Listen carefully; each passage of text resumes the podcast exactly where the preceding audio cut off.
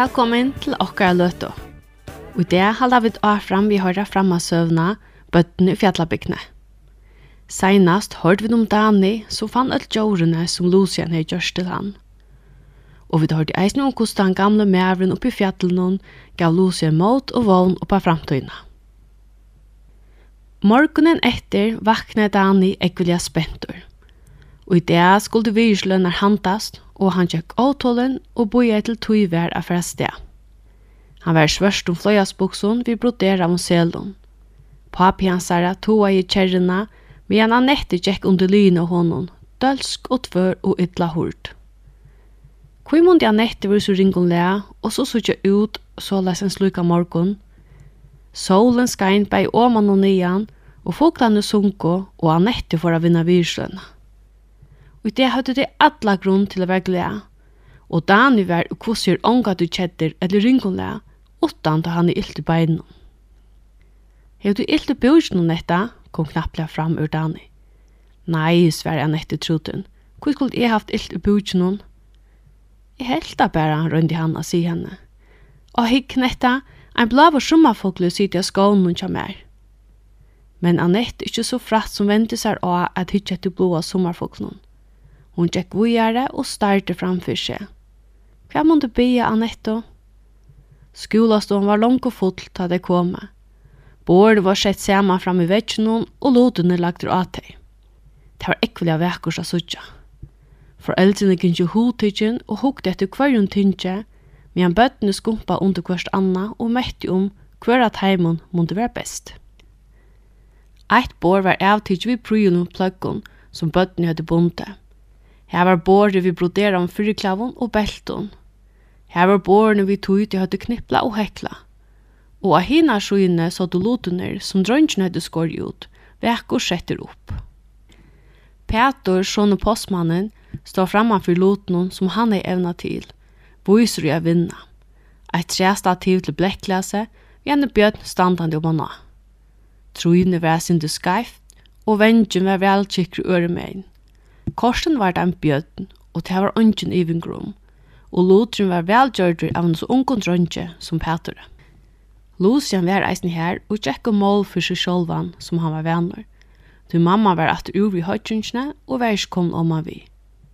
Han er i hukt gjødla etter blekkstativen og ser man borda tjukke bjøttene vid han latta og tvoisporan i hesten til her.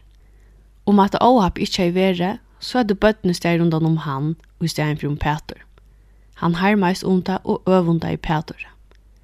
Han var donaligur, vekkur og ofri uidrotte, og nu får han av vinna virsløna som han losien av røtten åtti av. Han stidleis ui at hod fyrir seg sjolvan og egla til hinne. Annette, som var omgjurt av nokru vinkonon som tåsa vi hana, var sjolvsamma tiande. Sommar hilde at hon vann virsløna, men er hilde gin. Her var nekk gitt, og her var nekk tuskan atur fram, og nekk stunke høttene saman i en trunka. Nøkker satt i ett, og nøkker eitt anna. Best Anette, som ikkje platt jeg var skåren for tungobandet, seg ønske. Dani helt fast i hånden av pappasunnen, og hoppa i rundt og kanna i alt, og ødla til han sleppa fram et, og hadde et bytlet år til hans herre, da han kom fram vi. Da han så jeg se alt som var suttja, stille han seg i endan av det lenga båren hon, beint vi platje som han etter i bunte, så han kunne være til henne, ta hon var rødt fram etter virsløn. Horen far opp, og ødel utås av og bra takna på. Mæmre fra byen under vi sjekkven er kommet for å dømme om hver jo var best. Bøttene og foreldrene stod stille mot vetsjonen, men hans store mævren spekla tjekk rundt, tok eit ting opp og leit kannandi etui gjerne et anna. Han røste mongon at ham og tog seg blodlig av ødel. Han hukte i jøkken stulabøkene som lå stapla i en borde i endan av rumnon og tog seg om arbeid av taimen. Ein bløyer og tåle mævor, men ekvia seinfører.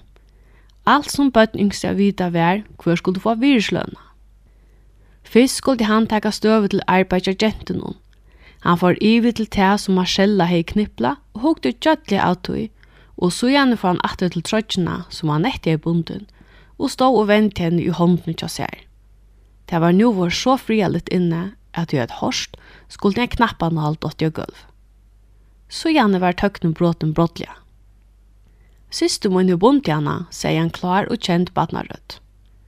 Den store mævren kvakk vi og hukte mot i endan av båren.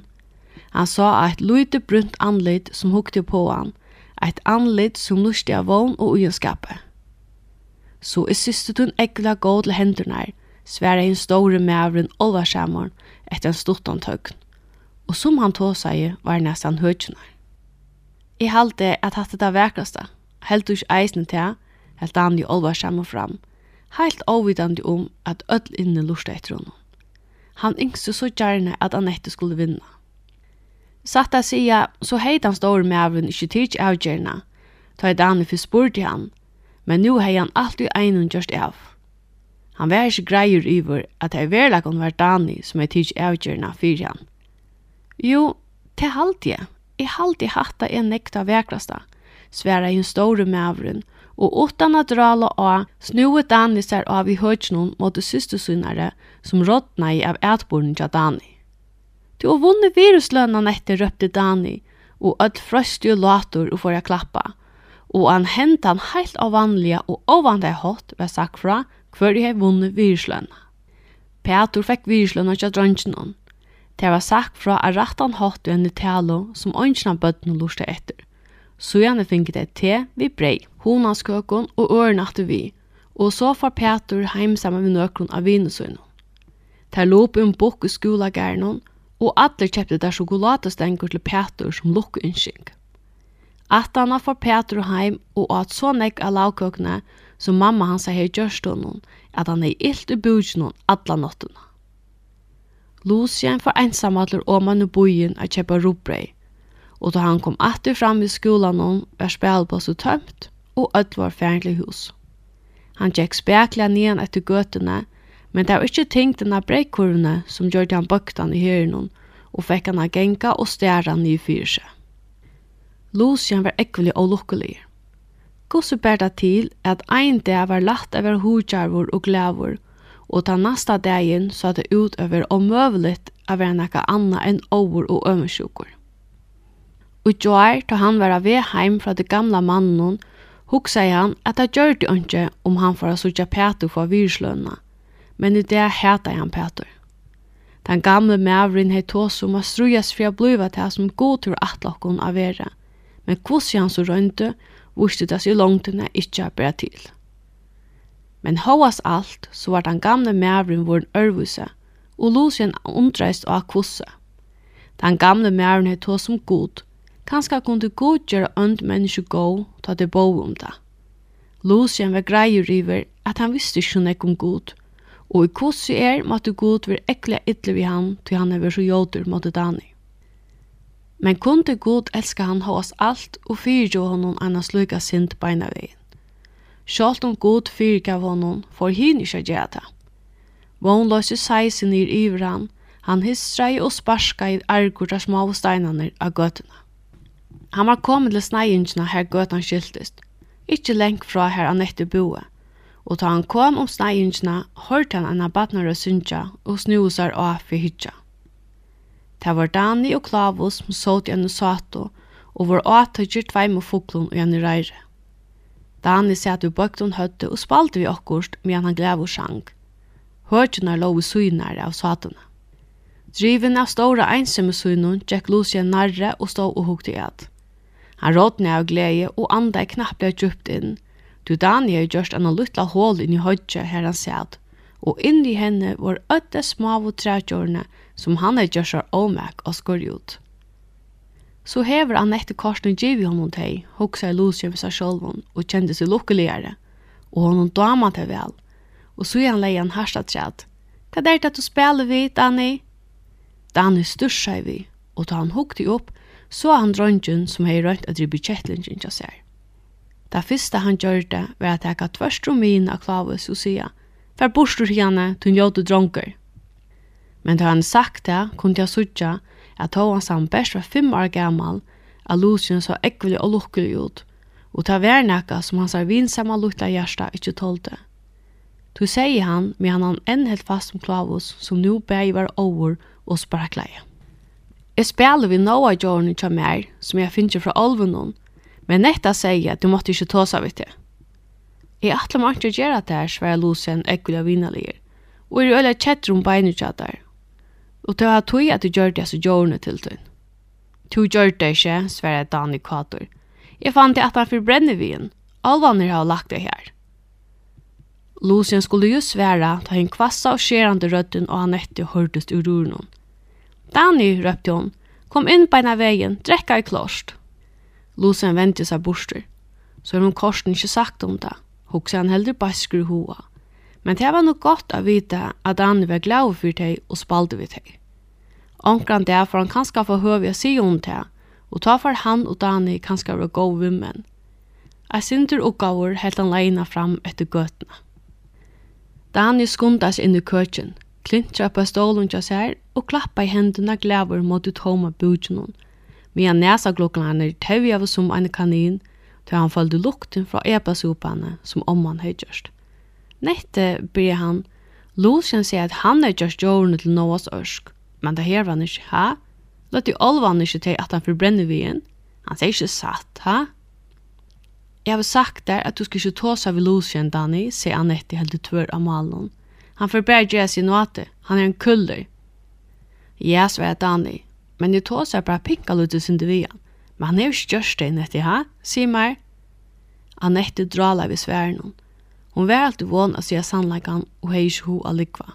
Men om Dani fikk det vite, får han å være så takksammer at han får for alt av fyrt av Lucien og takk honom fyrtøy. Og så var ilt av vita hva for å henta. Der ville kjøttja skover viner.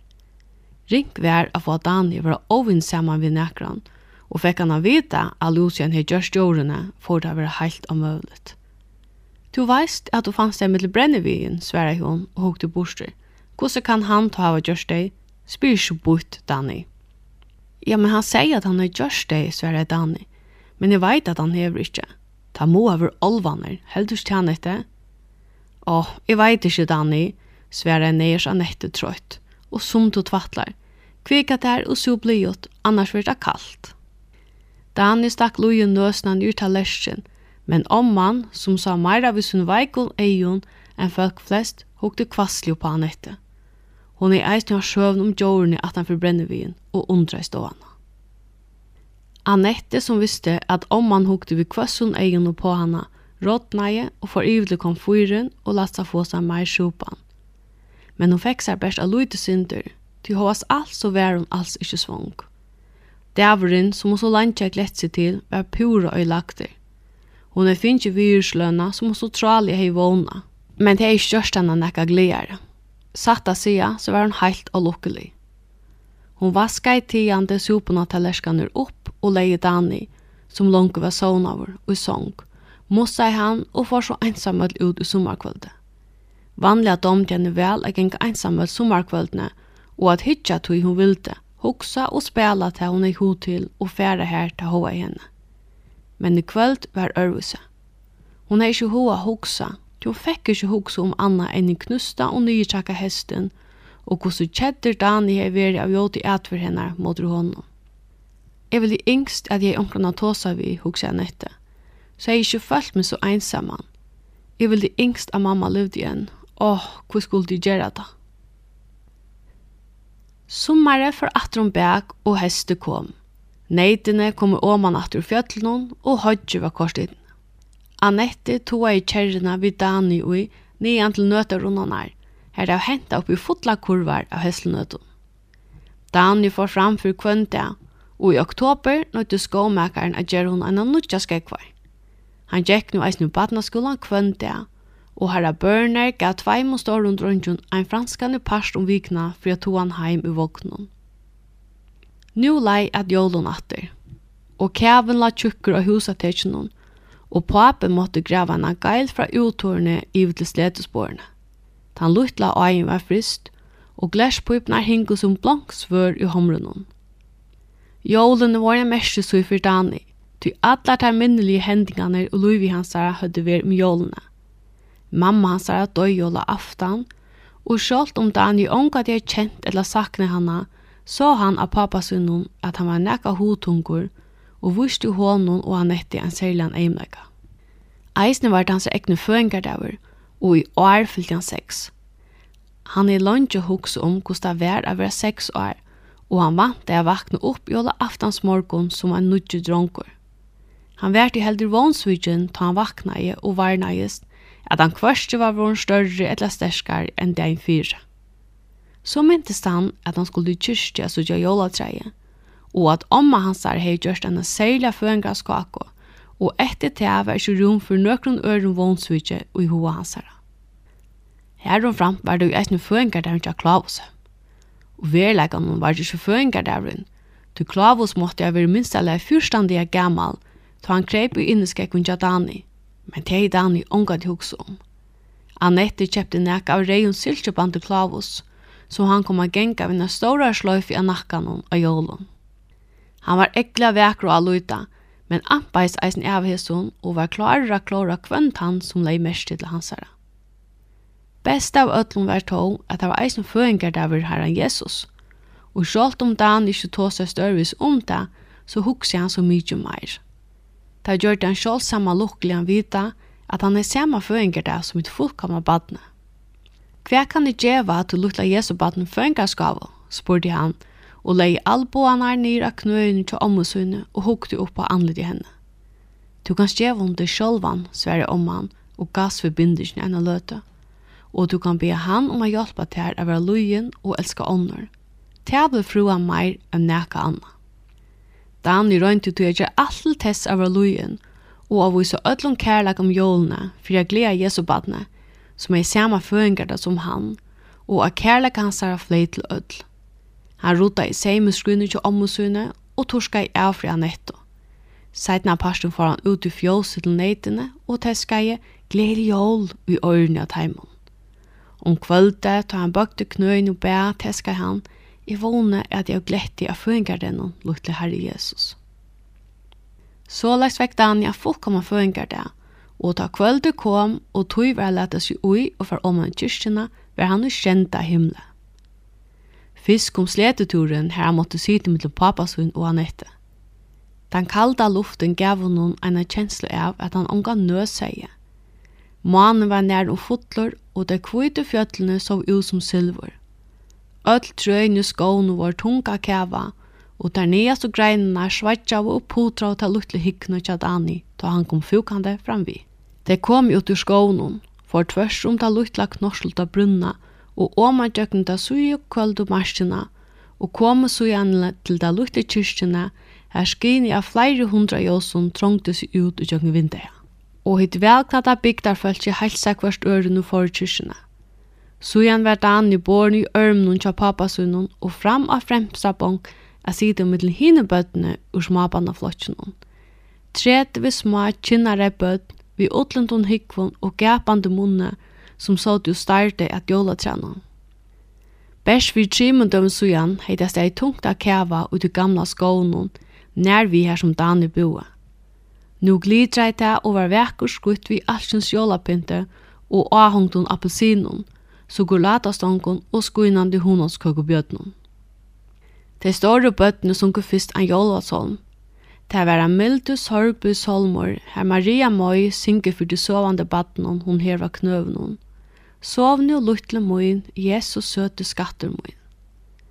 Annette sang sammen ved hinum, men hoksane hennara får atter til hitt jolaftans kvölde, ta hon for første for helt an i ørmesunnen som det var glede om han og ansa vel etter honom. Men ånden utan mamma Jesus er hei tidsi måte til lutla frelsaren hon. Hon sveipa i han og lei han gjennom kroppo, to ikkje var rom for taimon i gistjusen. Salomer var livor, og til eldre bøttene settest attor, og de smave bøttene kommer fram. Dani gikk nekka atan for hine, til han fekk ikkje vi lukka kviker av høgjnum, som det smave beine i holvåsen og stylvun. Men det boja etter honom, og öll kyrkjene smultus ta han gjør det senaste hoppet og snæreiser mot teimen. Stjøtten lyser i jólanått, skein som vant av himni hått. Dani starte opp imot du blanke stjøtten av toppen og så hvordan hun glitreie at han må skuinande honanskugge bjattnån nyr under, og glömte at han sang til at han best hugg seg om hver han for å få. Til hver ein som sa ut som om hun flente. Bækaren var av ovars kom under snutan og hei bøkt han. Hana vildi Dani feien heva og smultes atter mot henne. Men det smava bøttene ringo meir etter hele og på plås atter til dess a sutja jólatreie for den gamle prestren oppa talarpadlen. Han hei vir prestru bygden i 45 år og öll var det gov i han. Han var nu krujtjen og andet hans av veverbarst, men enn gikk han om fjöllene og virja som spjata flokk. Skjedje var så sutt og kvitt at Dani, som best hugsa om jólatreie, mista og kan for jólamannen og undreist av hvor han gikk svørst og kåte og ikkje reion. Annette lusta i helde svøntung etter sovene, som hun kjente så vel, og hugsa om imest Anna, men knapplega endertog en gamle med årene, som alltid hadde tala til henne. Luka sier hun sjálva i uimynda sær at hon var Maria, og allar horar var lastar for henne. Ikke var rom for taimon, og ikke rom til han. Så sottlega som han gammel med å gjerta, det, tok han årene trudja fyr, og hverja fyr helt an etter at helja var syrgeligere. Hvordan kjøtt hek hun ikke lette syna hår opp. Og tog helt den gamle mæmre fram, stendig frelseren ennå kvöld og benkar og stongta dyr. Enn er det gjørst som ångat jeg lette hun opp. Hetta er det han sier. Hikk, Jeg stande fyr doren og bentje. Høyrer onker rødmunna og leder opp dittnar skal jeg fra inn til hansara. Hva først du å gjøre vi han hese jålene? Først du å lete opp dittnar, eller først du å lete han standa utanfyr? Skulle jeg så syrkjelig år være søkt om det, ikke var rom for honom. Jeg hei fegin vilja be han kom inn, hos jeg Anette. Men hvordan er det? Presten tåsar om at be han kom inn i hjärsta. Kan jeg be han kom inn i hjärsta mot? Eina løti hugsi han etter at det var en vekur tanke, og hugti rundan om seg til Tessa vita om nekkar annar måtte hugsa det samme.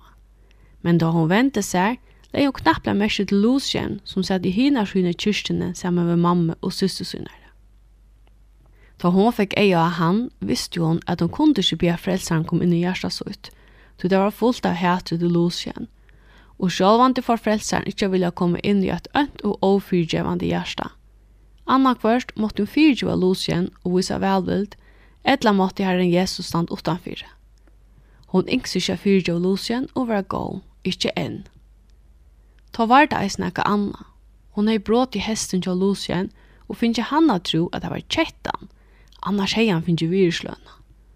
Om herren Jesus kom inn i hjertet hennara, hei han haft akkurat sagt om det, og ta dom til henne ikke høyra. Tala man Leo, men hon er ikke hår sånn jeg evne, to hon hei så borster i øron heime. Hon var så lengt borster at Dani måtte skump undrana for å få sutja at nu var det hans her turur å fara fram etter synarbjød. Et jant don fra fölkje som tog seg saman, hørte som alla kyrkjena, medan småbøtten tråka seg fram av jolatrennen. Herra Pilet, myntasjæren, borte bjøtnar ut. Dani toa i ærmna honom og peika i bjøtna som smultest oppa jolatskjøtna overst i trennen. Vi vill fejen av oss här, täskar han. Jeg ser her uppe, kan inte få hana. Jeg tog at han er i höger og tog av det jól. Flott i här appellet, bär stian, bøttene og jolsna som var nya för att träna. Klintra vita stora baks upp og tog ta bötterna som Dani så fejen ville hava. Under stötning läggvan var Danny 17 år heim. Han satt av sletene vid utvalgte bøttsen i føvnysjonen. Hverja fer han hukte nyr at han bøkta snutan, flett hans og hjertalega, at det kunne vi lukk til at han og bjøtten høyde ekvar stuttet løndarmal til fela.